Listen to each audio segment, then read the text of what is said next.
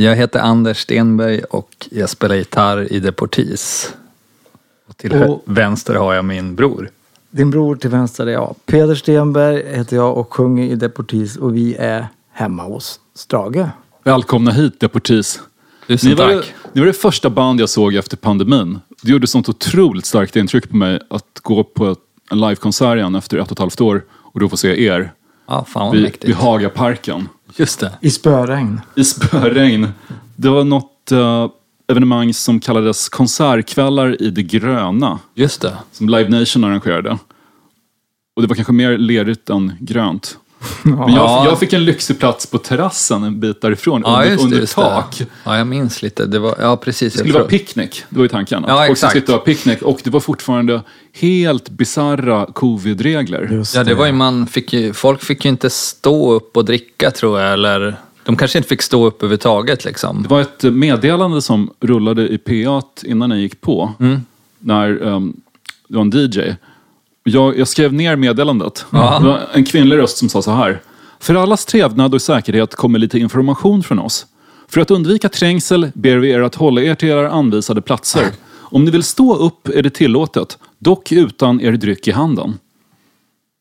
Ja, det, det var jävligt sjuka tider. Men vi gjorde liksom, men det var ju, det var väl, vad var det för år då? Var det 2021? 2021. Ja, just det. Så det var någon slags pandemilagar fortfarande. För vi gjorde ju fler spelningar den sommaren också. Det var ju också, jag minns vi spelade där i, vad heter Bellevue-parken i Göteborg också. Och då det var Wild liksom lång, långbord och sådär. Och där var det också så vakter som bara kom och... Precis, någon ställde sig upp och klappade händerna och då blev de påhoppade på en gång.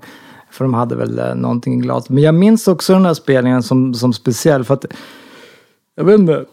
Nu, med, med pandemin och allt det. Och jag tänkte nog att så här, jag, alltså jag vet inte. Jag tyckte nog att jag hanterade det rätt okej. Jag höll inte på på att gå under. Utan det är liksom så här, ja, okej, man hade kanske ännu mindre ekonomiska marginaler än vanligt. Men, men jag var ju, så det var en ganska speciell spelning för mig också. För det var ju vår första för jag minns att jag blev väldigt rörd alltså under flera gånger. Och jag var som inte beredd på det. Jag menar ibland finns ju något förutsägbart med du vet, det, du är i ett sammanhang. Jag, jag förstår att jag kommer bli ledsen eller berörd. Men där var det som att, ja, jag minns att det var så. Så då fick jag ändå någon känsla att, ja men okej, det här kanske har varit jobbigare än vad jag trodde för en. Alltså, Jag minns väl det första du sa på scen var Hej, vi är Deportees. Vi ska se om vi fortfarande kan det här med musik. Men ha, blev du ombedd att uh, påminna människor om inte stå med dryck i handen-regeln? För jag, jag vill minnas att du också sa något om det. Ja, då, om jag gjorde det så hoppas jag att jag blev påmind. Jag tänker inte att det var spontant i alla fall. Ni gav ut ert sjunde album i somras, People are a foreign country. Ja, precis. Titeln fick mig att tänka på något gammalt Jean-Paul Sartre-citat. Mm. Hel- Helvetet är de andra. Men Just det. Den gamla filosofen. Ja. Nej, det fanns nog ingen... Fan, trillade jag ö- Hur kom jag på det där? Alltså, det var som mest att jag tror att jag tänkte på... eh, Jag, jag, titlar, albumtitlar kommer alltid sist för mig. Jag tycker att andra arbetsmetoder också låter härliga. Att folk har så här, jag har en titel och jag... Och, eller man har en titel och så arbe- arbe- har man den som någon slags eh, vägvisare, ett paraplybegrepp. Men för mig är det mer så här, okej, vad, har, vad, vad kretsar texterna kring? Alltså, och för mig är det som ofta att alltså, texterna, ja, på något sätt känns som att de jag vet, inte, jag vet aldrig riktigt var de kommer ifrån och, och, och, och, och, ibland känns det som att de att de, är, att de ibland opererar på någon slags eh, djupare plan än vad mitt medvetande är på. Det låter så jävla pretentiöst men och då kan jag märka så här, okej, det var ju det här någonting i mig försökte säga. Och då var det många texter som kretsade, kretsade kring någon slags, um, ja, någon slags stukad eller haltande kommunikation. Och då var det som att den där titeln, äh, Människor är ett främmande land, eller People are foreign country, kom, kom till mig liksom. Det där. om, om, man, om man kopplar det till ert bandnamn så blir det nästan som en utveckling av Ja, exakt. de, de deporterade, liksom Ja, deportees. just det. Just det. Att alla människor är ett främmande land. Ja, Så om någon utvisas så de är redan ett främmande land i sig själva. Jag vet, men det, det, det här tycker jag är lite typiskt er någonstans. Att det är någonstans politiska texter, men de är så pass abstrakta att det blir något annat. Jag har ju tänkt jättemycket på ert bandnamn nu med den nya angiverilagen. Just det. Att eh, lärare och sjukhuspersonal förväntas ange folk som vistas i landet illegalt. Det kommer att bli väldigt många deportis. Så är det ju. Men, men var, var kom bandnamnet från början? Såg ni det någonstans? Alltså, det? bandnamnet, eh, där önskar jag att jag hade en... Att Det var, ju, det, var, det, var ju, det var ju ett av de minst sämsta namnen just då tyckte man. Alltså jag minns bara att man hade... Vi hade en lista egentligen bara på namn. Eh, och det var, det, nej det, det, det, det fanns inget, eh, det fanns inget, eh, det var liksom inget, ingen programförklaring eller det fanns ingen, ingen djupare egentligen. Utan det var något som vi tyckte låg bra i munnen och det kändes som att det funkade hyfsat typografiskt och sådär. Eh, så att nej, det fanns ingen, ingen medvetet i alla fall som var sådär supersmart bakom varför vi valde det. Jag läste igenom lite deportisrecensioner häromkvällen. Ord som återkommer ofta är balsam, trygg, luftigt, gåshud, upplyftande och helande. Hur uppnår ni den effekten tror ni? Alltså, vi... Jag, jag, tror jag nämnde det mellan någon lå- låt på någon spelning vi gjorde i, i somras också, så det är kanske är lite skåpmat för dig Anders. Men, men jag ändå så här, båda kom ju från hardcore-scenen i Umeå det var ju så vi liksom drog igång. Ja. Ehm, och det var ju det som var den första kärleken inom musik, liksom hård, hård hardcore-punk med liksom metal-inslag. Men det var väl som att vi ganska snabbt båda, vi sitter ju lite grann, vi har ju som suttit, vi har skrivit låtar upp nu i 30 år va? ja, ja, ja, visst. Eh, och Fem typ. Ja, 95 exakt. Och jag tror att vi båda drogs nog till musik som kanske vars främsta egenskap ändå var någon slags tröst, tror jag. Eh, alltså, och jag tror att om man kollar på ens kompisar, så, så, så även om folk kan ha bred musiksmak så finns det oftast en kärna, liksom, var, eh, alltså en, liksom en känsla som, även om det kan vara jag på på söndag när jag är bakis vill jag ha det och när jag festar vill jag ha det. Alltså jag menar att man, men, men det finns ofta så här, den första stora sanna kärleken till musik. Till exempel folk som en gång var hårdrockare har ju ett alldeles speciellt förhållande till hårdrock som aldrig dör. Eller du är, du är synt, gammal syntare mer. Så det är säkert också lite så här, det finns säkert där, alltså i kärnan. Eh, eh för det, det var ju någon brittisk studie som kom för några år sedan då de eh, menade att de formativa åren var väl så här 14 till 18 eller någonting. Alltså liksom att det den musiken du lyssnar på då kommer att ha ett eh, särskilt plats i ditt hjärta. Sen är jag, egentligen du, du också, båda är väldigt osentimentala när det kommer till musik. Så vi alltid letar alltid nytt. Vi är ganska lite så att vi åter, återvänder inte så mycket. Nej, nej, till, precis. Till, Nej, vi var väl mer de som, de som bytte genre vartannat år. Ja, eller liksom någonting. Att man blev kanske mer bespottad för att man inte var liksom true till någonting egentligen. nej, så Det är intressant att hur man präglas av det som man först upptäcker. Det finns ju, om vi ska fortsätta tjata om franska existentialister, det finns ju ett citat av Albert Camus. Nu kan jag inte citera det rakt av, men jag kan googla det. Vänta. Och anledningen till att jag har koll på citatet är inte att eh, jag har läst så mycket Camus, utan för att Scott Walker citerar de här raderna på sitt klassiska album Scott 4. Det står ganska stort på inre konvolutet. Okej. Ja, jag har hört den skivan men jag har den inte på vinyl. Han skrev 1958 En människas verk är inget annat än en lång vandring för att återupptäcka genom konstens omvägar de två eller tre enkla och stora bilder som en gång öppnade hennes hjärta. Och i hans fall då så försökte han genom sitt skrivande återskapa barndomsminnen från Algeriet. Vackra stränder, vitkalkade hus och medelhavsfrid. Det var hans grej. Ja, det var fint. Ja, men det kanske... Ja, men... Och, och, och, då, och då liksom... Då var det väl ändå musik som gav mig tröst, tror jag, som för mig blev den som betydde mest. Ja. Och, och då tänker jag att man... Om man då har ja, jagat den känslan i sitt eget uttryck så är det ju väldigt fint att folk verkar uppleva att det funkar Ni sjunger till och med om att vila inuti det stora varma ljuset på senaste skivan. Big warm light. Och musiken blir en livmoder eller någonting.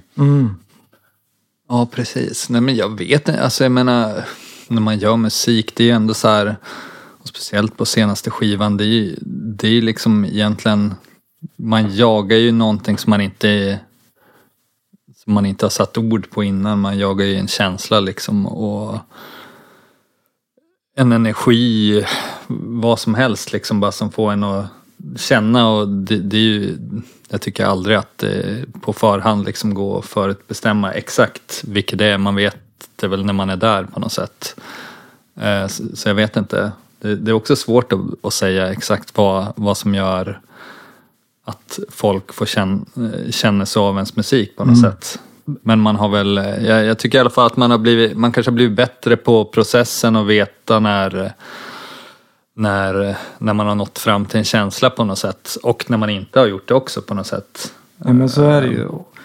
Och jag har ändå alltid tänkt eh, alltså liksom att det textförfattarna som jag varit intresserad av alltid har varit någon slags empatiövning ändå. Alltså att det är antingen att förstå någon annan eller att förstå sig själv. Att gå i någon annans skor. Ehm, alltså sådana typer av, nu var det ju från recensioner eh, du sa och, och, och när man får höra liknande grejer från, från lyssnare. Det är som sagt, de, alltså det är som fortfarande, allt, så mycket är sig som så likt sedan 30 år. Att vi sitter i en soffa med en akustisk gitarr och eh, försöker jaga någonting som, som, som känns. Och vi har ju nästan en vi har nästan telepatisk eh, kommunikation. Vi tycker ju 99,9 procent, eller 99 procent eller någonting. Sa, sa, samma sak. Ehm, och att man, fast man har hållit på så länge så är det som att tiden har lite stått still där. Alltså det är som lite som ett heligt rum. Och att det finns någonting lite slutet i det också. Så att för mig, trots att vi har varit aktiva i 20 år, så är det som fortfarande en överraskning att, att den när man blir påminn om att det lever ju. Det finns ju där ute och den finns i folks liv. Alltså det är som att Ja, men jag, tror- jag tror kanske det som har hänt med tiden med, alltså när, man, när ingen brydde sig så, man brydde sig lika mycket själv då på något sätt och la typ mer tid än vad jag nu på något sätt. eh, Repade ännu mer, Ja, jobbade ännu hårdare på något sätt. Eh, Och då känner man sig alltid missförstådd på något sätt. Men jag vet inte, det är väl någonting med tiden när man, när man märker att folk verkar gilla det man gör på något sätt. Att om man själv är, om vi tycker att vi har hittat någonting som, som känns viktigt och bra så, så verkar det kunna resonera med andra människor. Så det är ju, Ja, det är ju jävligt det- skönt. Så den här, den här pendeln mellan att känna sig att man gör något värdelöst eller gör någonting jättebra, alltså hybris eller självhat, den har ju blivit, den svingar ju inte lika våldsamt längre. Utan nu är det mer som att, ja, det kanske inte var tillräckligt bra och det här var väl det här var bra. Men det, är- det är ju skönt. Alltså, som du säger, att, det, att nu finns det någon typ av om när vi själv tycker något är bra så verkar andra tycka att det är bra. Eh, och då kan man ju, då får man ju som en, jag vet inte, vad- det är skönt i alla fall att det inte är som förr i tiden. Det var ju jävla jobbigt. Vad hände då när ni kände självhat?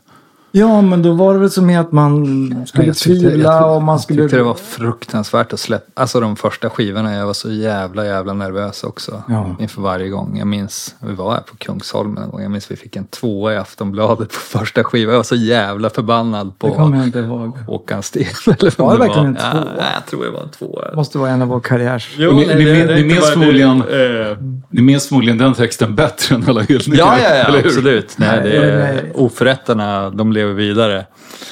Nu blir det AS. Så ni fick ingen t-shirt med jag är fem, fem plus? Nej, nej precis.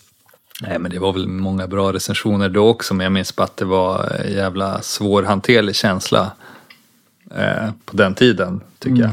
Men det var ju så jävla mycket på den tiden också. Det är ju annorlunda idag. Det är som, nu har man liksom kanske sett ja, 8-10 recensioner. Förr kunde man liksom ha 40-50 recensioner på en skiva. Det finns ju inte så många Men som skriver dem. lokaltidningarna köper mest in typ TT Spektra och sånt Ja. med va? If I lived the past over, saw today from yesterday.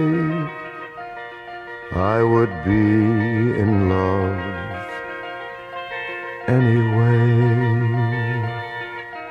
Eh, det vi lyssnar på är Frank Sinatras I would be in love anyway som är från hans skiva eh, Watertown. Och alltså att Sinatra är en av de stora vokalisterna eh, det, det, det, det vet väl och håller de flesta med om hoppas jag. Men att här är det en väldigt annorlunda skiva för att vara Sinatra. Alltså man förknippade ju han med liksom de här den här gentlemannen som sjöng julsånger och andra storslagna låtar. Men på 60-talet hade ju liksom tiden liksom, folk framförde mycket eget material. Och, alltså det var, han, han hade gått lite ur tiden. Så jag vet inte om det var i desperationen eller något annat så han gick med på att göra den här konstiga konceptuella skilsmässoskivan där hans fru Elisabeth har tagit något tåg till en storstad eh, och hon ska komma tillbaka men hon kommer aldrig tillbaka. Så det här är som små brev varje låt till den här Elisabeth som aldrig kommer tillbaka. Och att den här Sinatra, den här mansmannen är ensam med två barn och bara eh, sårad och krossad. Just i den här låten säger han Okej, du har lämnat mig men, men I would be in love anyway om jag fick göra om det. Så att den här är väl en av de mer hoppfulla låtarna på skivan. Men jag tycker bara så här, på det här sättet har, ja, har man aldrig hört Sinatra.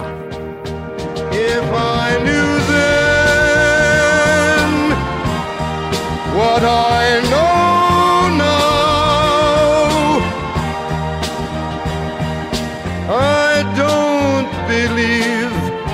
I'd ever change somehow. När han sen blev stor igen med New York, New York och det här. Då var det som att han, eh, han mindes tydligen inte ens den här skivan i någon intervju. han var, det var något konstigt. Det var, det var två kompositörer som hade skrivit hela skivan. Eh, nej, han bara kommer inte ihåg att han hade gjort det. Somehow.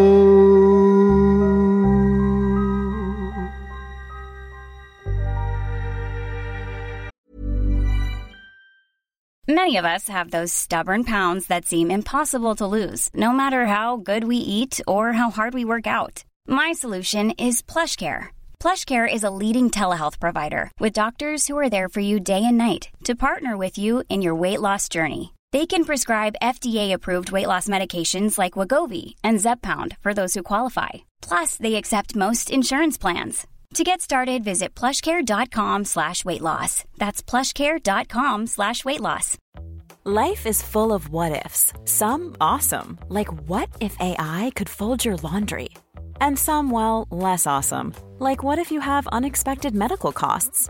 United Healthcare can help get you covered with Health Protector Guard fixed indemnity insurance plans. They supplement your primary plan to help you manage out of pocket costs. No deductibles, no enrollment periods, and especially no more what ifs. Visit uh1.com to find the Health Protector Guard plan for you.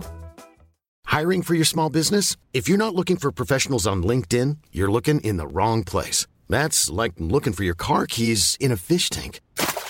LinkedIn helps you hire professionals you can't find anywhere else, even those who aren't actively searching for a new job but might be open to the perfect role. In a given month, over 70% of LinkedIn users don't even visit other leading job sites. So start looking in the right place. With LinkedIn, you can hire professionals like a professional. Post your free job on linkedin.com/people slash people today. Du listade några skivor som betytt mycket för dig i tidningen Café i somras. Bland annat um, Stay Hungry med Twisted Sister. Ja. Och, och sa så här att så här i efterhand har jag förstått att Twisted Sister var långt ifrån det hårdaste bandet i klassen. Jag, jag, minns, jag tänkte också att de var väldigt mesiga i många år. Ja, men de hade MTV-hits och så.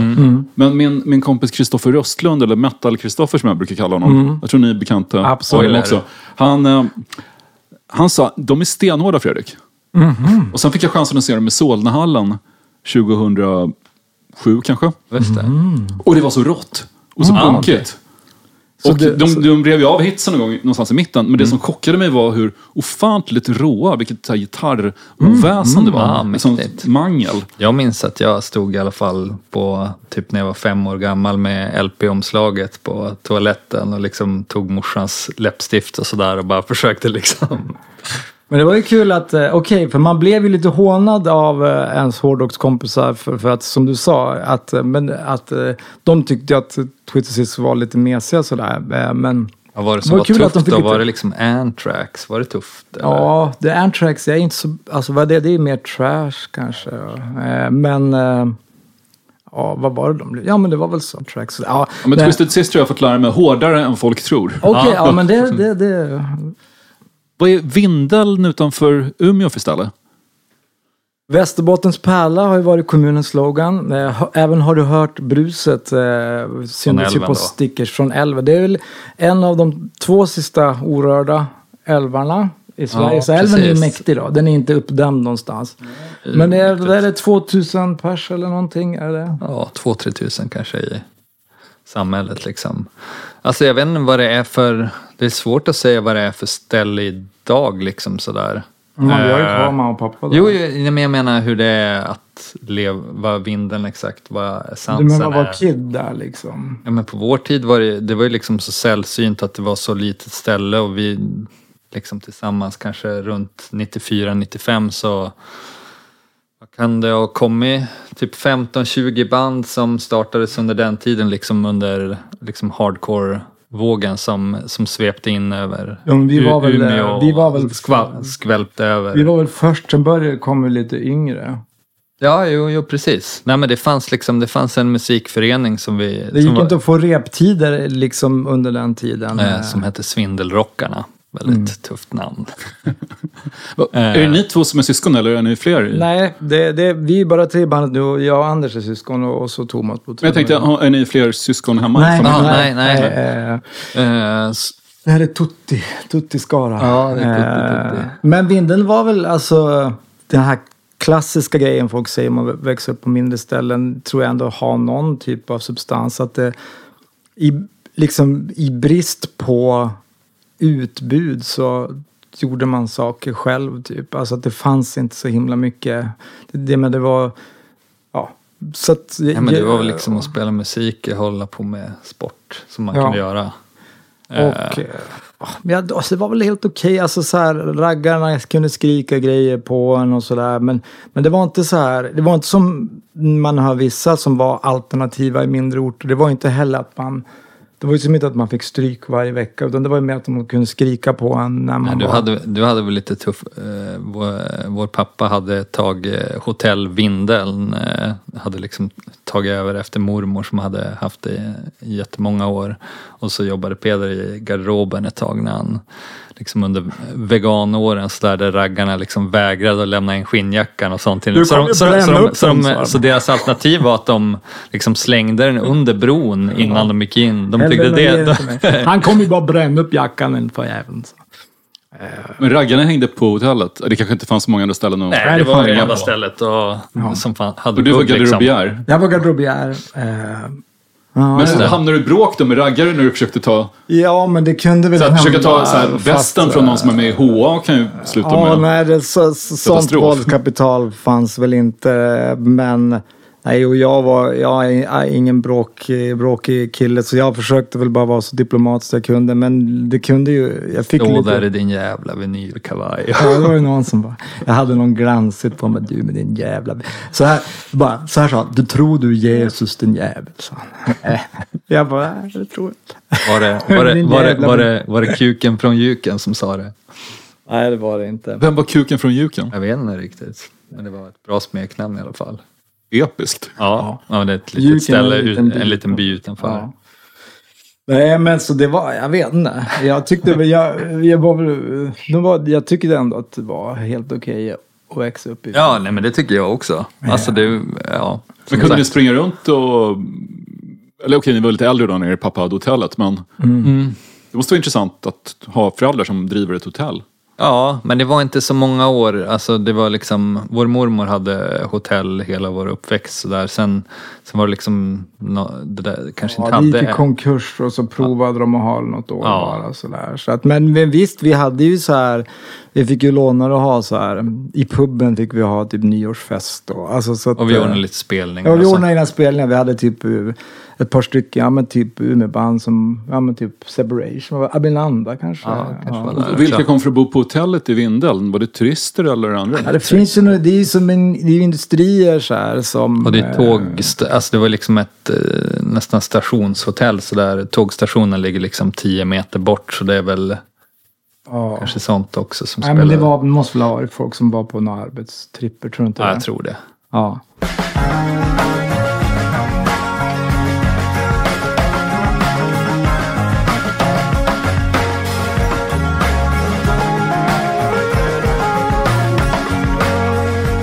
Jag tänkte att vi skulle lyssna på en, eh, en låt som jag egentligen bara tycker är så jävla bra låt Eh, som heter Little Things med Big Thief som kom för kanske två år sedan eller någonting. Ehm, som jag liksom aldrig blir less på och jag aldrig riktigt fattar heller. Den har liksom en omedelbarhet och samtidigt så greppar jag inte riktigt vad som händer. Jag hörde någon historia om att det kanske bara är basisten och trummisen som liksom har jammat. Så den går liksom inte runt. Vilka är Big Thief? Eh, det är ett amerikanskt band. Eh, Ja, ett fan. amerikanskt indieband. Men, men det som är coolt med låten, nu ska jag inte kapa Nej, nej, dig, nej, men, nej, men nej, du kan väl- är väl också så här att det känns som att de... Alltså de... Deras kommunikation när de spelar tillsammans är ju Ja, ja. helt sjuk. Ja men verkligen, verkligen. Nej men jag tycker nog att det är så här bara det är nog mer exempel så här för, eh, alltså för hur bra musik kan bli fast man inte riktigt förstår varför. Och jag tycker det, det är väl lite som samma grej som man själv alltid jagar på något sätt. Och de gånger jag tycker att man själv lyckas extra bra med någonting så brukar det um, Ja men att man liksom inte riktigt fattar varför, varför blev det här bra och varför eh, stod det här ut från mängden. Eh. Så det är väl någon slags mer eh, så här, när summan blir större än, än delarna i ett band som jag tycker att de känns som ett otroligt fint band. Jo, verkligen.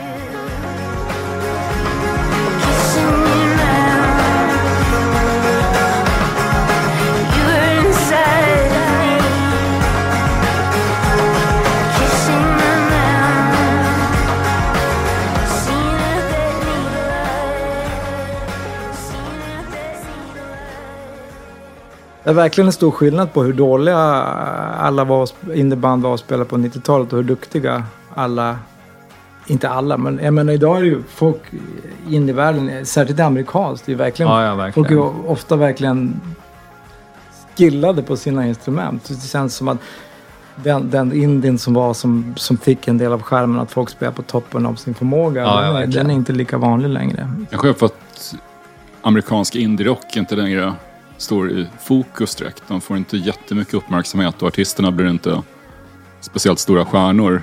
Nej. Om du jämför med hur, hur kända ansikten, säg Arcade Fire blev, eller Strokes blev för 20 år sedan.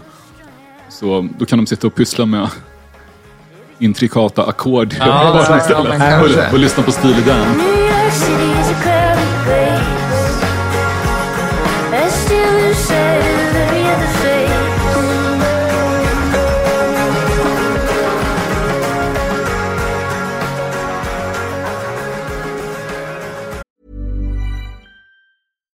If you're looking for plump lips that last, you need to know about Juvederm lip fillers. With Juvederm Volbella XC and Juvederm Ultra XC, your lip look, whether it's subtle or bold, can last up to one full year with optimal treatment and no additional maintenance. Find a licensed specialist and see if it's right for you at juvederm.com today. That's J U V E D E R M.com. Add fullness to lips in adults over 21 with Juvederm Volbella XC or Juvederm Ultra XC. Do not use if you have severe allergies or a history of severe allergic reactions, or if you're allergic to lidocaine or the proteins used in Juvederm. Tell your doctor if you have a history of scarring or taking medicines that decrease the body's immune response or that can prolong bleeding. Common side effects include injection site redness, swelling, pain, tenderness, firmness, lumps, bumps, bruising, discoloration, or itching. As with all fillers, there's a rare risk of unintentional injection into a blood vessel, which can cause vision abnormalities, blindness, stroke, temporary scabs, or scarring. For full important safety information, visit juvederm.com.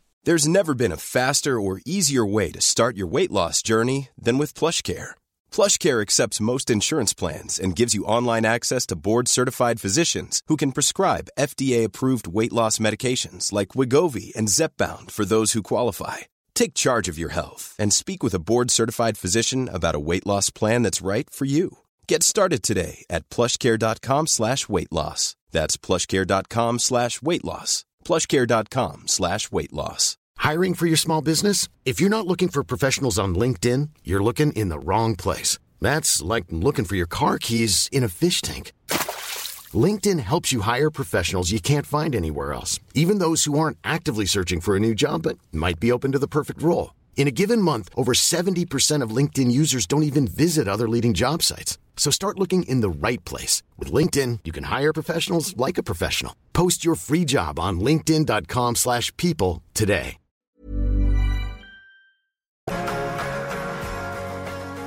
Du var med i ett hardcoreband som hette Reason for Anger.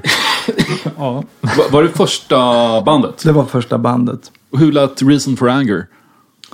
Ja, vi har, det är väl bara en låt som finns tillgänglig som var med på den här Straight to Fuck 2-samlingen. Som nu ska tryckas på vinyl fick jag Just det, just eh, det. något mail om. Eh, Är det vi- function? Frågetecken? eller? Function, function frågetecken. Eh, så det var ett vindel, vindelband då. Med mig och en kille som heter André som spelar trummor i Invasionen numera. Eh, och, Fantastisk trummis. Ja, han är grym. En av mina favorittrummisar faktiskt. Ja, han är han är en maskin. Ja, han är grym. Ja, men när jag ser invasion, varje gång jag ser invasionen och han hamrar igång så tänker jag att han borde vara trummis i Depeche Mode. Ja, De behöver en sån trummis. Det skulle vara coolt. Som är en robot. Nu ska vi hälsa han. Ja, men han, han var med alltså? vad Han var kul. med Ja. i Reason for Angus. Det var han som trummade på den här eh, låten som finns. Och, Och han var ju med, alltså, Reason, vårt första gemensamma band som hette Bittersweet som Mm. var liksom hardcore emo. I den tiden liksom var ju André med också, så han var ju med. Han var väl med på första britpop-demot när vi bytte genre, men då tyckte han att det, han är ju som, André är ju verkligen, nu har han ju börjat flörta med liksom synt och postpunk och sådär, men han är ju ändå en hardcore-kille i hjärtat fortfarande sån här som har, ja men är- som din, som Kristoffer också är, det är som där. Kristoffer Östlund, ja. ja. Ja, exakt. Fast han är ju mer puritan när det kommer till hardcore. Det är som inte att Nej, han han tycker lys- att det är ett svek mot hardcore, Nej. att han kan lyssna på annan musik. Det är Men- mer att det liksom ny, nyligen Men liksom när var en jävla låta diskussion. Som eh, Stone Roses och Oasis, det, det, det tyckte Ja, han nej, inte. ändå var ju liksom han, det, var, det kanske var tuffare att spela med DS13. Liksom. Ja, exakt. Så då lämnade han oss. Nej, men det var väl, det var sån här, alltså den, det, vi lät väl ganska mycket som hardcore lät ju på den tiden. Det var sån där, alltså det var ju ganska mycket metal. Det var ju inte liksom, det lät ju mera liksom metal hårdrock än vad det lät så här Black Flag 82 typ. eh. Det var, det var kul, men eh, det var väl inte... Men du Anders fick inte vara med i... Jo, jag fick, eh, jag, jag, jo, jag började liksom Han var senare. bara 11 då, ska vi lägga till. Ja, precis. Jag var väl, jag kom väl med när jag var kanske 12-13 eller någonting. Ja, det växt till det. Ja, precis. Det var mycket som hände på kort tid. När, när är ni födda? Jag är född 78. Tre. Okej, så det är fem år ändå? Ja. Mm. Och det, ni började väl 94 kanske eller någonting. Mm. Ehm, ja, Och ni blev straight edge båda två? så jag var ju 12 år. Du vet, så här, det var inte så stor radikal grej bara jag dricker inte. Nej, men du, 12 Jag, var ju, också. jag, jag söp i sjuan och snusade. Sen blev jag straight edge, straight edge i åttan när jag var 14. Sen var jag det ändå tills jag var 21. Eh, så Då du, det- så- då du svepte en vinare själv i soffan för att Ja, kolla är hur jävla kul det Jag hade är. haft nyårsfest hemma och jag hade ju då inte druckit sen jag var 13. Och så var det som så att jag... Jag var så, ja men vad fan. Ja, jag, jag, jag, den, de idealen kanske hade tunnats ur lite grann. Så jag var så här, vad fan. Om de säger att det ska vara så jävla kul och så såg du kvar en vinare och jag vet inte. Vad var det för vin? det var något mousserande, sliskigt. Lättdrucket. Ja, exakt. Och jag bara, ah. Så hade jag någon DVD med typ Seinfeld. Så jag bara, ah, men då ska vi se hur kul det här blir då. Och jag vet inte varför jag inte förstod. Alltså, jag, menar, jag var ju ingen idiot. Jag var ju 20. Jag borde fatta att alkohol är en social drog främst då. Men så jag drack den ganska snabbt och satt, satt och kollade och tänkte det där kommer bli så jävla kul nu. För det är ju roligt i vanliga fall. Men eh, jag bara spydde överallt och somnade någonstans på toagolvet. Jag drack den väldigt fort och jag hade ju ingen tolerans heller. Så, att, eh, nej, men så, jag, så jag var straight edge och ja, man var ju vegan där en massa år och så. Eh, jag, har ju, jag käkar inte kött och sådär, det gör jag inte nu heller. Men ehm, eh, Du kan dricka alkohol nu. ja, det har jag gjort länge nu. Över 20 år. Jag hade med Johannes Persson från Cult of Luna här i podden. just han, han berättade om stämningen i Umeå under den här tiden. Och att han minns så tydligt att när han skulle spela för första gången offentligt med sitt första band. Då kom det Eclipse, 300 eller? pers. Eller 400. Det var fullt. För det var ett nytt band. Ja. Och bara det i sig var så intressant att folk gick man ur husen eh, för att se dem.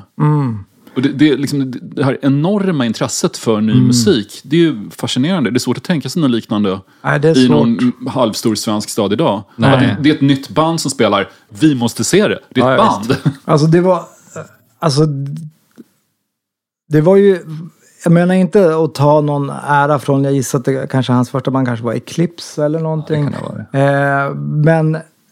Och, och de, de fick ju snabbt en stadsstad, men det var ju inte...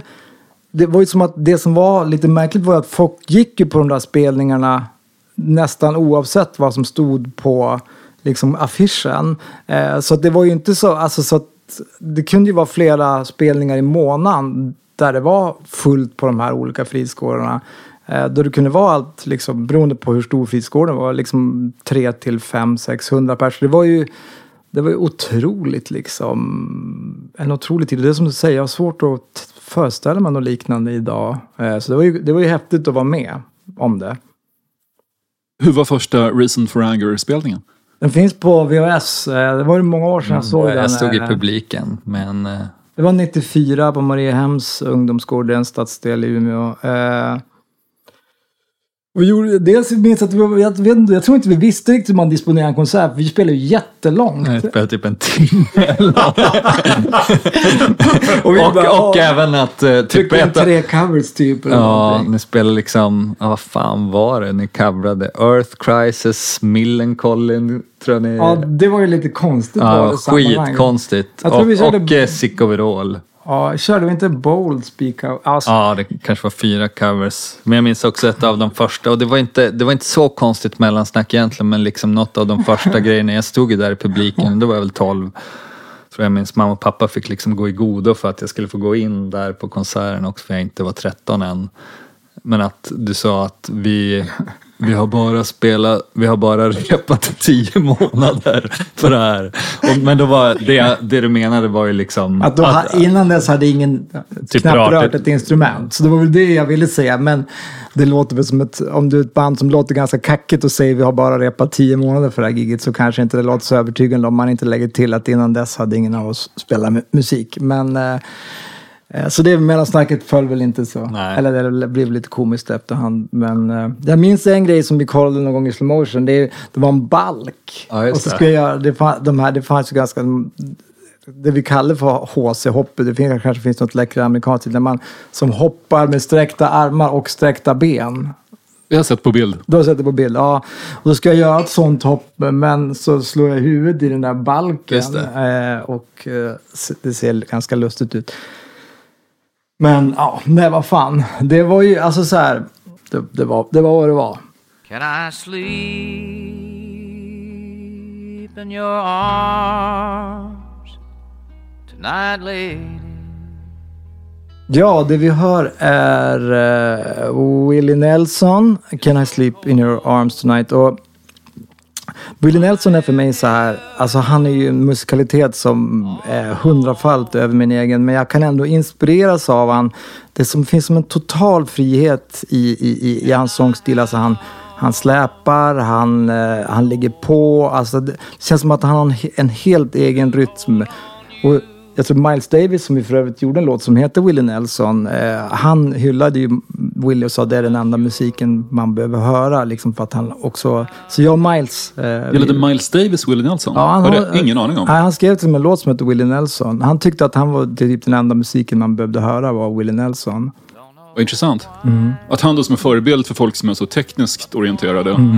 väljer någon lite slashasig countrysångare som röker weed. Liksom. Ja. Men det är att nej, men han är otroligt eh, fri i sin timing och i sitt anslag. Och, och jag tycker den här låten från den här Red of the Stranger-skivan är ett jättebra exempel på, på det. and I need someone's arms to hold me till I'm strong enough to get by on my feet. Hur pass radikala blev ni i straight edge-rörelsen? I, Ja, jag är dömd. Reason for Anger? Var, du, Jag är dömd för egenmäktigt förfarande. Jag, eh, då, och, Så pass? Ockuperade någon självmakt. Ja, nej men då var vi hyfsat... var lite små aktivistiskt. Det var inte jag som brände de där bussarna. Så, så, så, eh, eller lastbilarna var det. Men nej, men absolut. Man, men vad förfarade du? nej men vi blockerade. Det var... Shell påstods hade liksom varit inblandad i eh, avrättandet av någon... Eh, Var det Sudan eller? eller? Till, gud, jag kommer faktiskt inte ihåg vilket afrikanskt land det var. Var det i. inte Sydafrika? Ja, det kanske var. De var inblandade, de anklagades i alla fall för att vara var stötta apartheidregimen. När jag var i Hultsfred första gången, 88, Jaha, okej. så minns jag en stor flagga med Shells snäcksymbol omgjord dödskalle och stod bara Ja, Shell to hell. Okej, ja men det här, det här var väl kanske mer 94 då. Men, och det var ju något som hade hänt färskt och det är sjukt att jag inte ens minns detaljerna. Nej men så, lite sådär grejer, man gick väl och det var lite olika demonstrationer och man... McDonalds la ju ner i Umeå. Just för det. det. och det var väl inte egentligen på grund av liksom eh, militanta veganer något sånt utan bara att Max var mer populärt där i början på 90-talet och liksom konkurrerade ut dem. Men sen så återöppnade de ju och där var ju ni och liksom skulle liksom bara ta upp plats på McDonalds. Vi skulle, inte, då? På in- vi skulle inte äta någonting men vi var massa som bara satt så att ingen annan rymdes. vadå? Men vad, vad, vad hände? Ah, du, du, vi blev, folk kom och skrek till Men oss. det, var, ju- det var väl han, eh, det- farsan till eh, han franchiseägaren som var ju så jävla förbannad. Bara, vad fan Ja, det, var det han någon, sa? det, det har blivit som ett litet som en, eh, ett skämt. Då bara, du, du kan dra och brinna ända in i helvetet, skrek han till mig. Och då sa jag så här, eh, eh ja, varför det? Varför? Varför? För att du hör hemma där. eh, nej, men så att, sen blev det väl sen en övergång då till... Hur, hur eh, länge satt ni på, inne på McDonalds då? Nej, Jag kommer inte ihåg, men det känns som att det måste ha varit x antal timmar ändå. Eh, eller, eller också var det som att folk satt i omgångar, att det var hela öppningsdagen. Köpte ni någonting eller Nej, jag ni tror satte inte er bara? Mm. Ja, vi satte bara.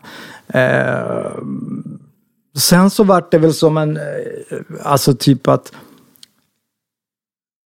i och med, jag menar, man umgicks med Dennis och det här gänget och när Re- Refused där runt Shape of Punk kom, då blev det ju som en mera intellektuell vändning. Att vi, folk började läsa situationister och galna franska poststrukturalister och jag var med på det där och började väl läsa på universitet efteråt. Så då var Och då läste du filosofi?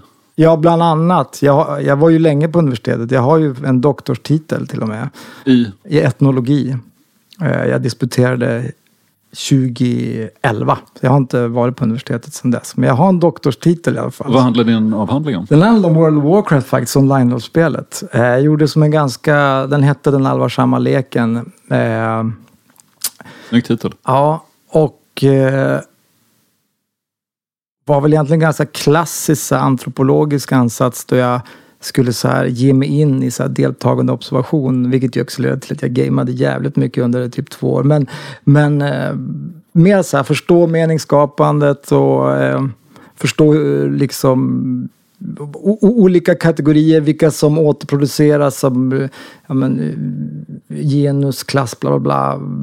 Men ett av de roligaste resultaten av den där avhandlingen som jag kom fram till eh, det var att, som jag skrev, att det var inte trots utan tack vare sitt släktskap med arbete som det blev så populärt. Att det, det genererade en märklig nyttokänsla i och med att så många spelmoment var tråkiga.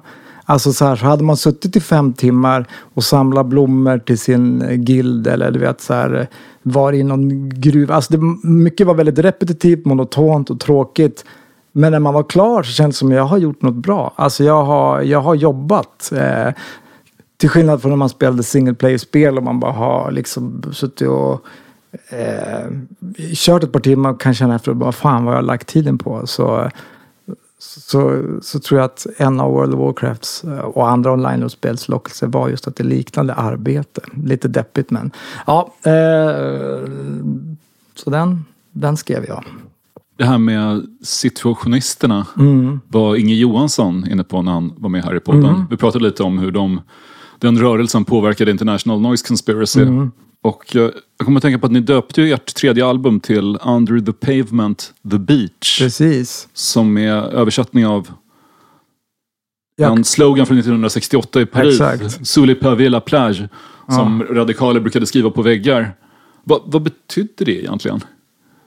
Under Ja, under, Trottoaren, under stranden. trottoaren, en strand. Eh, jag, jag tyckte väl, alltså det, det känns som ett ganska fantasieggande eh, citat. Och det, som jag, till skillnad från de flesta politiska slogan, ändå tycker jag har ett starkt, alltså det finns ett poetiskt värde i det också. Just att det är inte, det, det känns som att det säger naturen under kulturen. Ja, men någonting sånt. Och då att det också finns möjlighet för något lekfullt, en strand under den här, under den här betongen, under allvaret, under, eh, under butikerna och, och, och under köpcentren och sådär. Eh.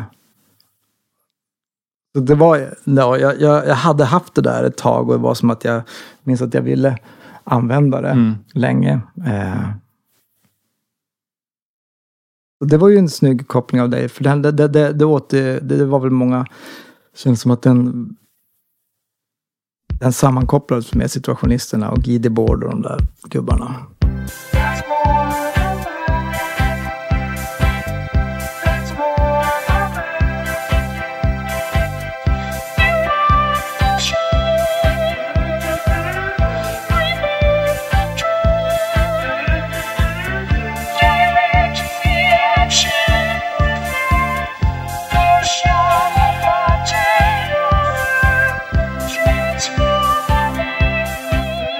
Eh, jag tänkte att vi skulle lyssna på en låt som heter Transformer Man med Neil Young från skivan Trans, eller Trans kanske man säger.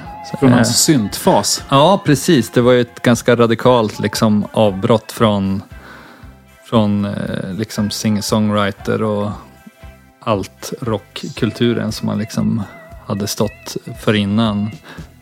Så det var väl en, en smärre chock liksom för hans lyssnare. Jag vet att det finns något klipp också om det han spelar i Tyskland liksom och headset eh, och springer omkring liksom som någon slags David Brent-figur som ska typ hålla en powerpoint-presentation. Folk ser otroligt förvirrade ut. Eh, så det, han hade liksom köpt en eh, vocoder och en så här synkklavier synt eh, som liksom fick ersätta hans eh, band. Ehm, och eh, ja, låten, det verkar, eh, det finns liksom en väldigt fin bak, bakgrundshistoria med låten också sådär att han, det, liksom under de åren så höll han på uh, mycket med liksom terapi och, och sånt med, tillsammans med sin son som uh, föddes med en CP-skada som inte kunde kommunicera liksom så att uh, hela liksom det här repetitiva i, i musiken på den här skivan och liksom i texterna eh, liksom var återspeglingar av eh, typ de övningar som han gjorde med, med sin son.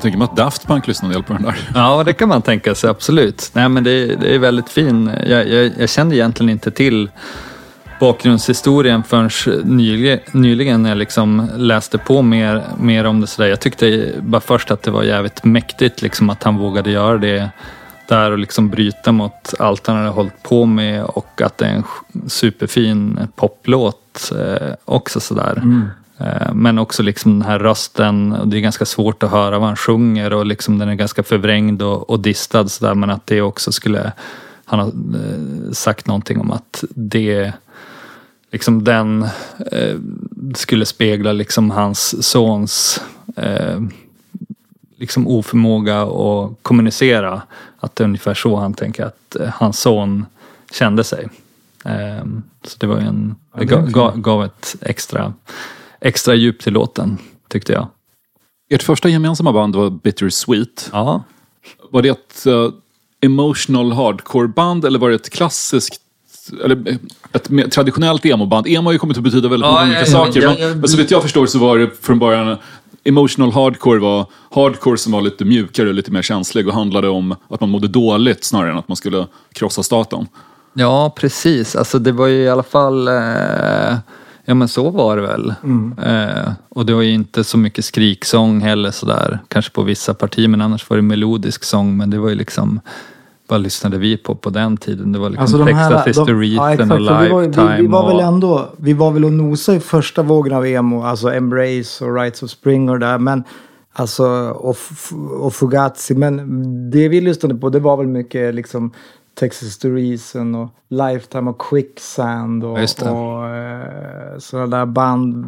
Bara vissa, oj förlåt, eh, vissa grejer låter väl eh, bra idag men andra inte. Eh, nej men så att det, jag kallades för emo-Peder ett par år i, i, Umeå. Ja. Eh, det var som ett... Det var, vi var väl, eh, det var väl inget annat, var det något annat emo-band just då i scenen eller var det bara vi? Nej, det var väl Shield. Ja, just det, just det. Men det, det var lite mer skriksång dock. Ja, det var lite blandat. Nu för tiden verkar ungdomarna inte längre skilja mellan goth och emo. Nej, min, okej. min dotter som är 14 Jaha. säger att allt jag lyssnar på är emo. Ja, just det. Ja, det du, du du är så på. emo pappa. Jaha. Du lyssnar på de här The Cure. Jag försöker, men det är goth. Ja, det, det, det, är det är inte emo. Nej, men, jag åkte iväg och såg Kite och tvingade ungarna att följa med. Ingen På Dalarna eller? Nej, det var i vintras som jag, i Huskvarna. Mhm. Och då sa min dotter, hon pratade i telefon med en kompis, ah, men jag kan inte träffas ikväll. Pappa tvingar oss att gå på emo-konsert i Borås. Så och, vad, och vad, vad betyder emo för henne då? svartklädda personer som jag hänger med eller lyssnar på. Mm, Och hon sa Borås istället för Huskvarna för hon Just har det. stämplat alla mindre orter som Borås. Just det. det var någon typ av hatkampanj mot Borås Ja, jag, jag, märkt, på, jag, på har, TikTok och så vidare. ja, jag har en 13-årig kille och jag har hört det där om Borås. Och jag försökte ändå vara lite sådär eh, lite småstadspatriotisk och vara såhär bara, alltså du fattar att det där är, alltså du, det där kanske är mer en storstads typ grej att hålla på och säga att allt som inte är Stockholm är Borås typ och det är skit. Så jag, bara, jag försökte som ändå vara lite sådär eh, nyanserad där men det landade inte bra. Så det var dumt av mig. Men hur reagerade era hårda hardcore-polare på att ni blev emo? Ni stämplades inte som sellout på grund det? Nej, det, var, det kom senare. Eh, Det var nog okej. Det var nog ändå i ändå okej inom sfären på något Ja, sätt. det Det var var ändå det. liksom amerikanska emo hardcore band som Ja. också var och spelade och liksom släppte skivor på typ samma skivbolag och sånt som, som liksom var... Det kommer väl eh, liksom det där att vi blev illa omtyckta och såg som både sellout och kappvändare. Det kom väl sen när vi började, liksom några år efter emon där, då började vi spela någon slags indie. Alltså vi vill, ja, vi vill låta som så här Oasis och Stone Roses och Verve och sådana där grejer. Och sen gjorde vi det sjukaste steget då, 99 eller vad det var.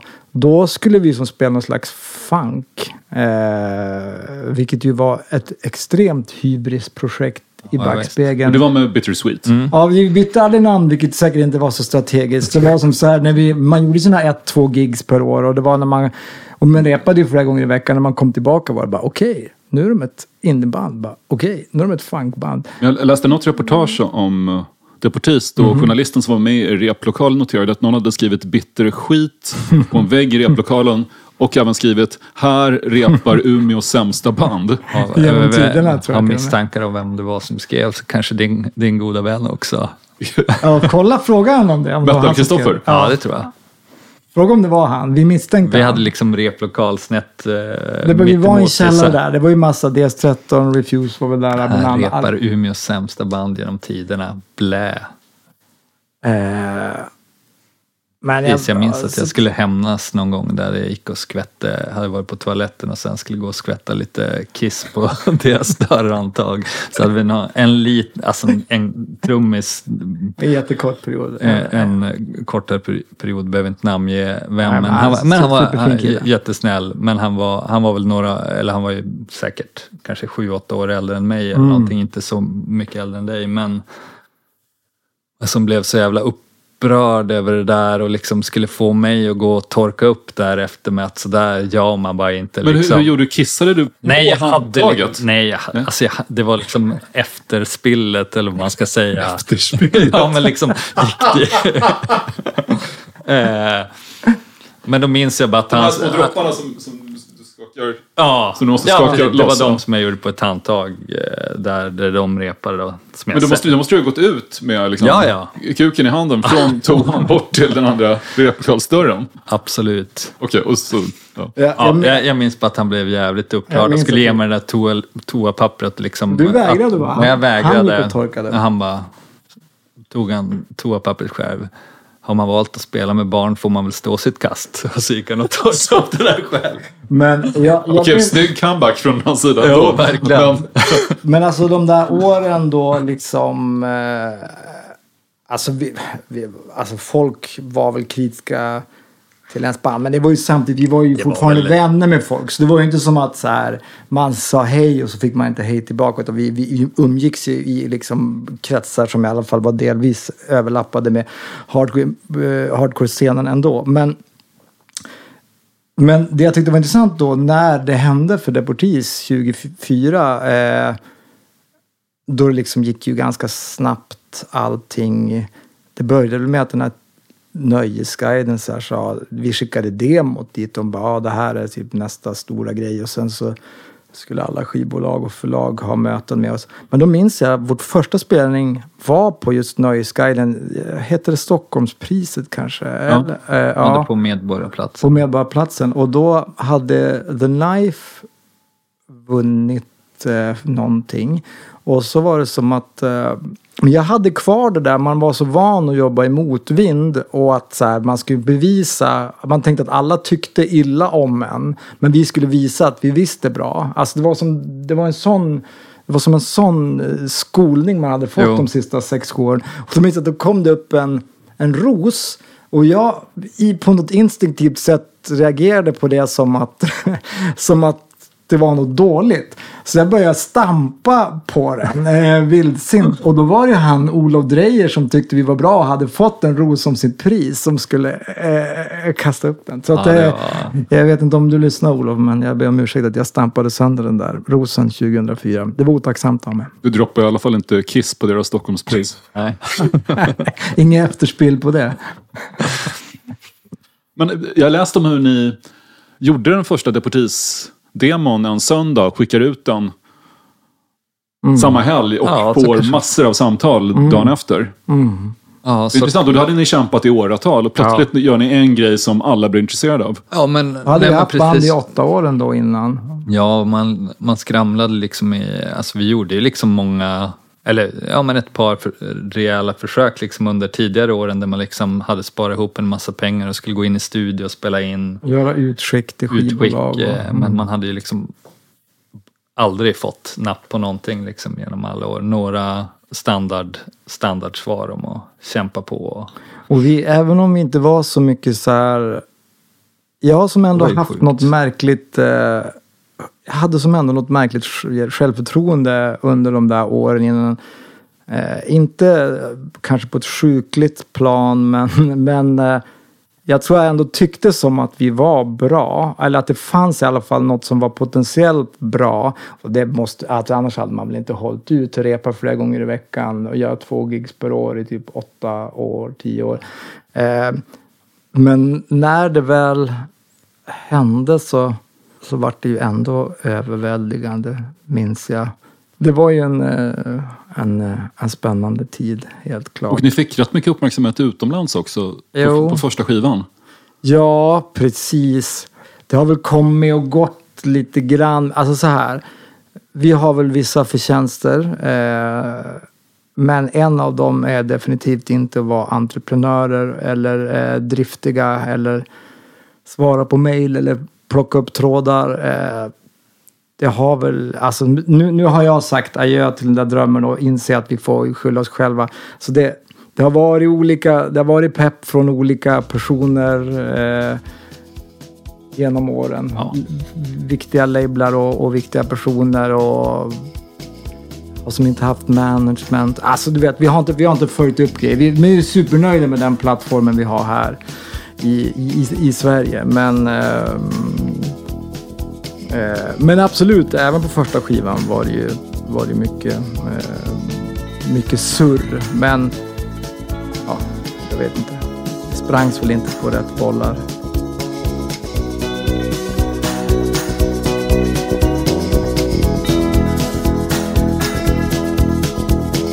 The Mississippi Delta was shining like a national guitar. I am following the river down the highway through the cradle of the Civil War.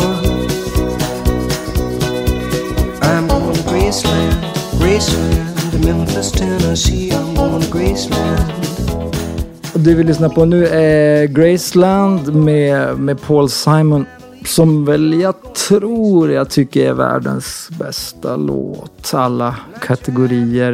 Eh, så jag har, ibland kan jag liksom läsa på så här, vad, är, vad, vad, vad, vad, vad, kan, vad kan upphovsrättspersonen mena med texten eller vad tror andra att den menar. Jag har som ingen aning här. Han bara sjunger om att han åker med sonen från sitt första äktenskap och de åker genom uh, the Mississippi Delta som shining like a national guitar och, och de ska till Graceland och av någon anledning tror han att de ska bli mottagen där. Alltså jag, fatt, jag fattar inte vad han sjunger om eh, riktigt. Eh, men det är otroligt starkt. Och jag, ja, världens bästa låt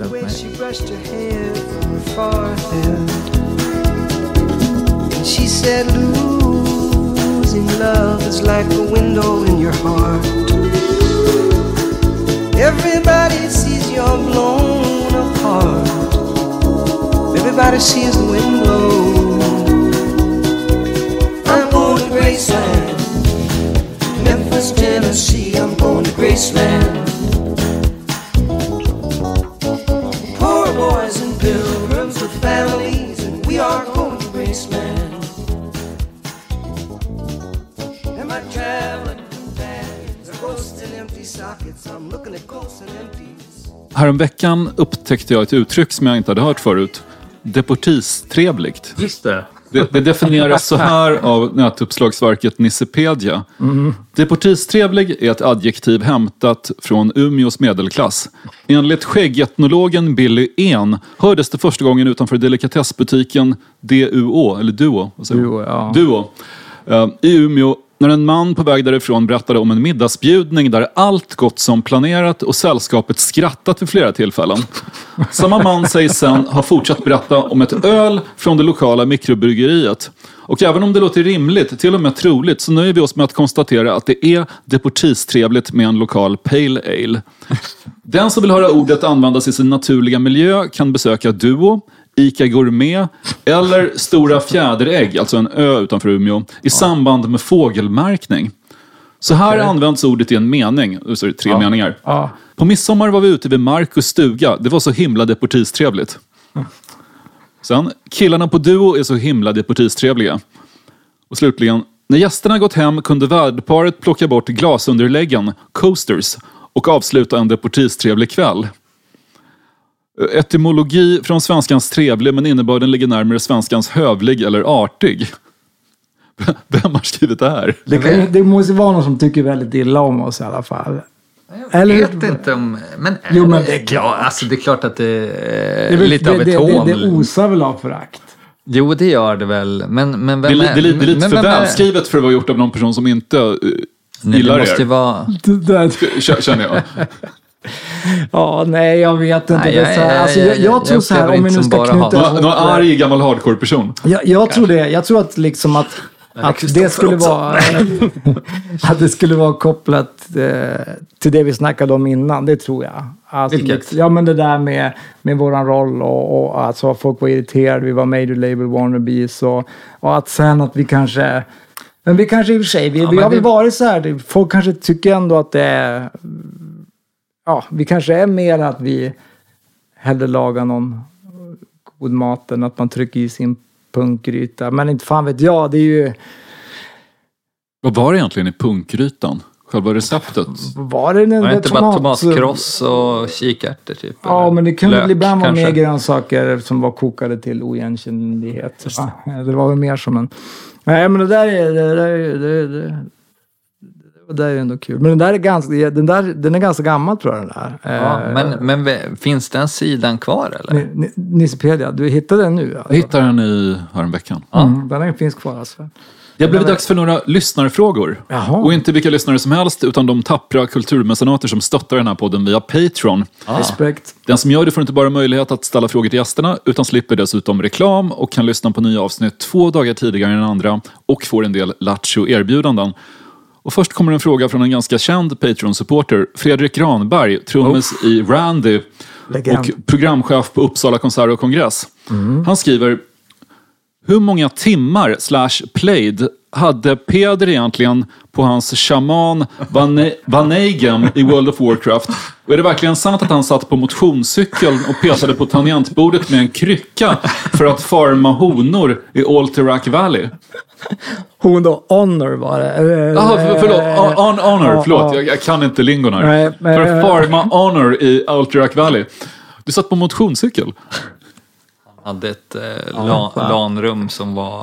Eh, Ja, alltså det, det, jag och min eh, eh, fru, som var min fru även då. Eh, vi bodde i en lägenhet och så hade vi gjort om förrådet där jag hade ställt in liksom, förrådet kallade vi för LAN-rummet för där hade jag min dator. Och då var det en motionscykel där också och det stämmer. det Det, gå, blir lite i, i shape inför bröllopet här för mig också. Ja, kanske var så. Men då var det som att jag, jag gjorde vissa spelmoment när jag cyklade samtidigt. Men om man blev AFK i spelet, alltså away from keyboard, då blev man liksom botad.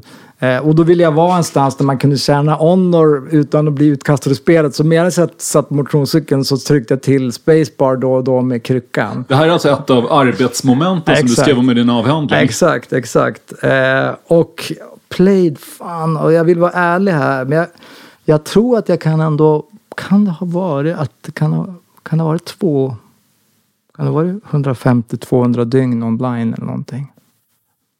Så det är ju rätt mycket. Okej, här kommer en lite mindre nördig fråga från Peder D. Mm. Vad tar ni i bänk? Uff, jag vet inte, jag gymmar inte. Jag tror, jag tror att jag... Mitt rekord tog jag väl på högstadiet, kanske i åttan, nian, kanske tog 50, 55. Jag vet Det är inte. inte så dåligt. Jag, jag, jag vet inte, jag har som aldrig, jag, nu har jag sista året Vi, har väl, eh, vi, vi skulle haft med vår trummis istället. Han, Thomas eh, är han urstark ju. Han är Alltså, skitstark, han men, han, men han är också, dag. han avslöjar ju ingenting Nej. heller. Han är liksom hemlig. Men, men att döma av hur jävligt musklig han är nu så måste han ju ta vara hur men det är stark som hela helst. där, ja precis. Nej, jag, jag vet inte vad jag tar. Vilket för oss eh, till nästa fråga faktiskt, Mm. från Peter Altsén. Mhm. Hur ofta kommer det killar backstage och vill snacka trumspel med Thomas Hedlund? Alltså, Vi kanske inte släpper in så många backstage, men när vi är ute efter spel, vi brukar mercha själva och sånt. Mm. Det, det är väl... Ja, det är en del eh, trumfrågor, Det är en absolut. del per kväll som Ja. ändå är, känns som hans, hans publik på något sätt. Ja, Eh, verkligen. I större, större utsträckning än bara bandet. Ja, verkligen. Han är ju en eh, känd trummis. Känd för sin speciella stil. Mm. Jag såg er på Lollapalooza. Mm. Och då stod jag bredvid Marcus Mustonen, Mm. som var trummis i Kent. Mm. Och när Thomas spelade så vid flera tillfällen så skaka Marcus Mustonen på huvudet och sa shit, han är så bra, han är så bra. Och då var Mustonen enligt många den tekniskt absolut bästa i, i Kant. Mm. Han, han stod där och verkligen så här trummis nördade över hur, hur briljant det var. Att det, Mm. var. det var så komplexa saker att... Just det. Ja, han är Ja. fantastisk Thomas. Eh, nu har han inte kunnat vara med i, förutom Lollapalooza i sommar för att det, det krockade med en jättelång Phoenix-turné de har spelat. Alltså, med. franska Phoenix spelar han i. Precis, Ja. och de gjorde någon turné med Beck va, Mm. som var väldigt lång. Jag tror han kom hem typ kanske i... i Förrgår eller? Ja, någonting. Han har varit borta jättelänge i alla fall. Martin Rydar skriver Stort fan till er musik. Ni var fantastiska på Lolla i somras. Tackar. Känner ni någon släktskap till Blink 182? Delvis att ni också har en fantastisk internationell mångfacetterad trummis och har det någon gång ställt till det för er i turné eller gigplanerandet? Något event ni missat som svider extra mycket? Har ni haft en vikarie så... Ja, Ja, det har vi haft. Eh, I sommar har vi ju, nej men det har gått bra med, alltså, men grejen, vi, vad, vad släktskapet, var frågan, Blink 182, vad- hade det något med trummis Har de också grejen? en uh, avancerad trummis? Det, vet inte jag Men vem, riktigt. vem, vem, vem, vilket band spelar han den här uh, som är ihop med någon Kardashian-syster? Är det Blink, Travis Barker är det väl? Blink 182? Ja, är han trummis i Blink 182? Skulle kunna vara det. För Här ska, han, här ska man veta egentligen, han är så Ja, känd. Vänta, vi, vi, vi Ja, googlar. vi googlar. Men, för om det är han så måste det vara det som är kopplingen. För han spelar väl med jättemånga grejer, hiphop-akter och okej. sådär. Och Thomas Edlund är också ihop med en Kardashian. Ja, exakt, exakt. Ja, Travis Barker är trummis i Blink 182. Då var det det de menade. Ja, jag en liten trummis. Nej men trummis. alltså grejen, vi har eh, sjukt nog, eh, fast han spelar så mycket och med så många olika grejer, så, eh, så är det här första gången vi har behövt ha vikariat för han sen eh, 29 kanske. ja, 2010 eller 9 eller någonting Mm. så ja, typ 15 år nästan. Eh, så det har, ja, Nej, men det har det, funkat. Vi, har- vi har försökt vara välplanerade. Det är samma med Anders. Du spelar, du har ju spelat med Lykke Li i alla år. Och ja, men Krunegård nu som ju också gör mycket konserter. Eh, men så det, ja, vi har väl någon enstaka gånger haft vikarie till dig också, men det har inte varit ofta. Nej. Eh, och musikaliskt känns det som att vi är en bit ifrån Blink 182, men att ha en, eh, en, en stjärna på trummor kan vi ju relatera till.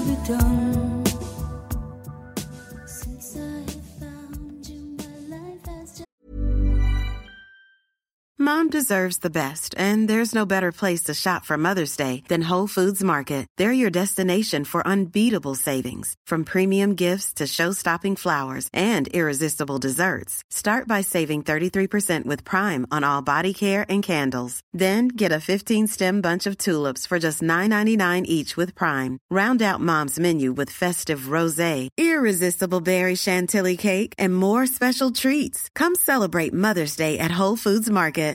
Imagine the softest sheets you've ever felt. Now imagine them getting even softer over time. That's what you'll feel with Bowl and Branch's organic cotton sheets. In a recent customer survey, 96% replied that Bowl and Branch sheets get softer with every wash. Start getting your best night's sleep in these sheets that get softer and softer for years to come. Try their sheets with a 30-night guarantee. Plus, get 15% off your first order at bowlandbranch.com. Code BUTTERY. Exclusions apply. See site for details. Planning for your next trip? Elevate your travel style with Quince. Quince has all the jet setting essentials you'll want for your next getaway, like European linen, premium luggage options, buttery soft Italian leather bags, and so much more. And is all priced at 50 to 80% less than similar brands. Plus, Quince only works with factories that use safe and ethical manufacturing practices.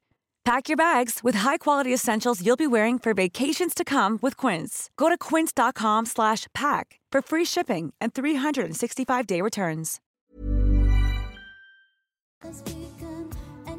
the I love Thy, tror jag. thy will, will fantasy- Ja, det är lite fantasyaktigt. Vart Eh, gick hon med Toy Soldiers? Ja, precis. precis. Eminem samplas han. Ja, exakt. Ehm, nej men alltså jag har väl ingen jätterelation till henne som artist förutom den här låten egentligen som, eh, som hon skrev tillsammans med Prince och som kom ut i början av 90-talet. Ja, den är otrolig.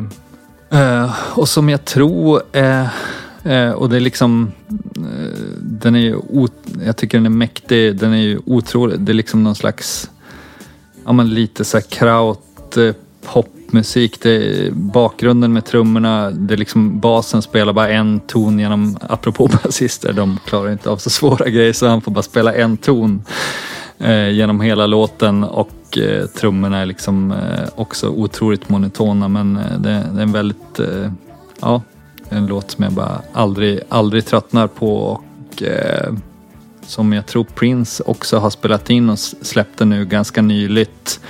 Han liksom post, eh, postdöd liksom. Ja, att Prince ville förmodligen inte släppa den, men hans... Ja, så, så kan det ha varit. Hans faktiskt. Alltså, det, har hans, släppt. hans version är bra också, men jag, jag tycker lite på, och det var i, i samma veva som han skrev också Manic Monday med Bangles och sådär. Där släpptes ju den, hans version av den också. Jag tycker liksom båda de, även om jag älskar Prince, så tycker jag inte att han gör någon av Nothing låtarna. To You är ju bra i Ja, men jag tycker ingen av de två i alla fall att han gör dem Nej. bättre än, Nej, än de eh, originalartisterna som framförde det. Liksom, så det var väl snyggt av honom att lämna ifrån sig dem. Mhm.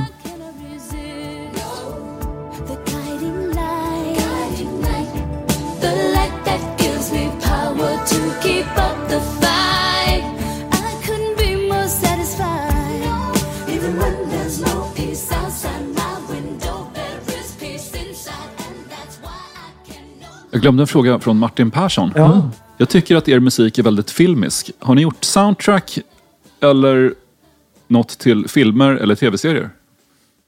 Eh, inget dedikerat, eh, alltså inte, inget som är skrivet liksom för... Nej, ring oss. Ja, jättegärna.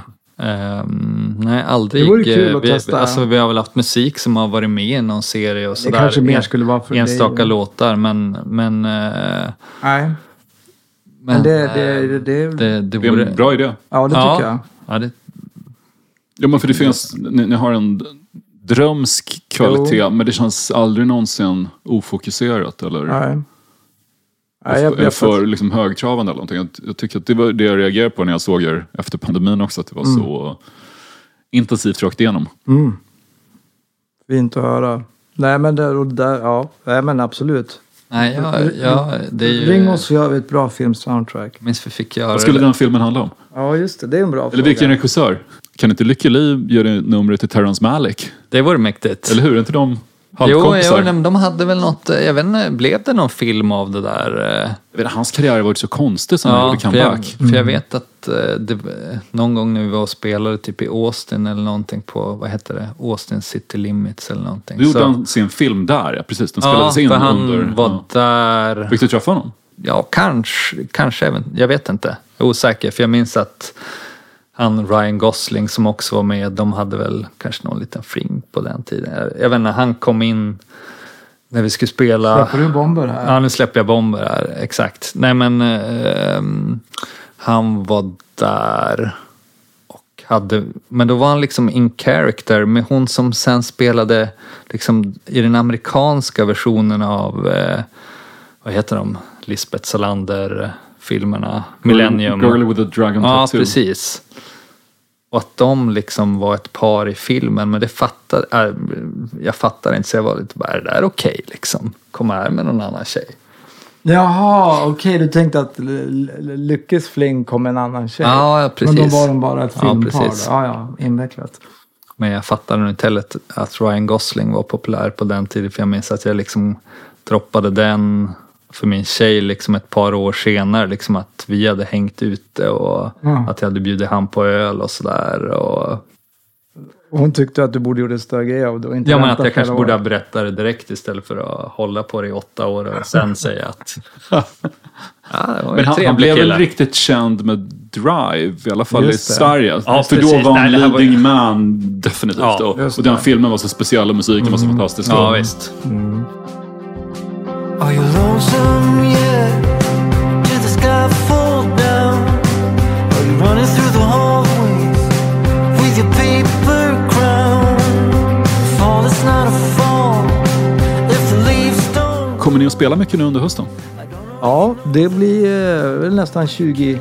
Ja, det är väl 20 18, 18 spelningar eller någonting Ja, i Sverige. exakt. De två Stockholmsdatumen är inte släppta än. Eh, men det de kommer kommer att snart. släppas. Eh, och eh, det kommer bli på ett coolt, lite speciellt ställe. Men sen är det 16 gig till resten av Sverige. Så det blir skitkul. Bör- Turnépremiär är väl första november va? Så när det är år, resten av året så spelar vi mycket. Wow. Ska jag låta er gå iväg och repa inför turnépremiär? Absolut. Hämta Anders dotter på förskolan är vad vi ska göra. Sen ska jag resa tillbaka till Umeå någon gång också. Tack för att ni kom hit, Deportis. Tusen tack. själv. Tack själv.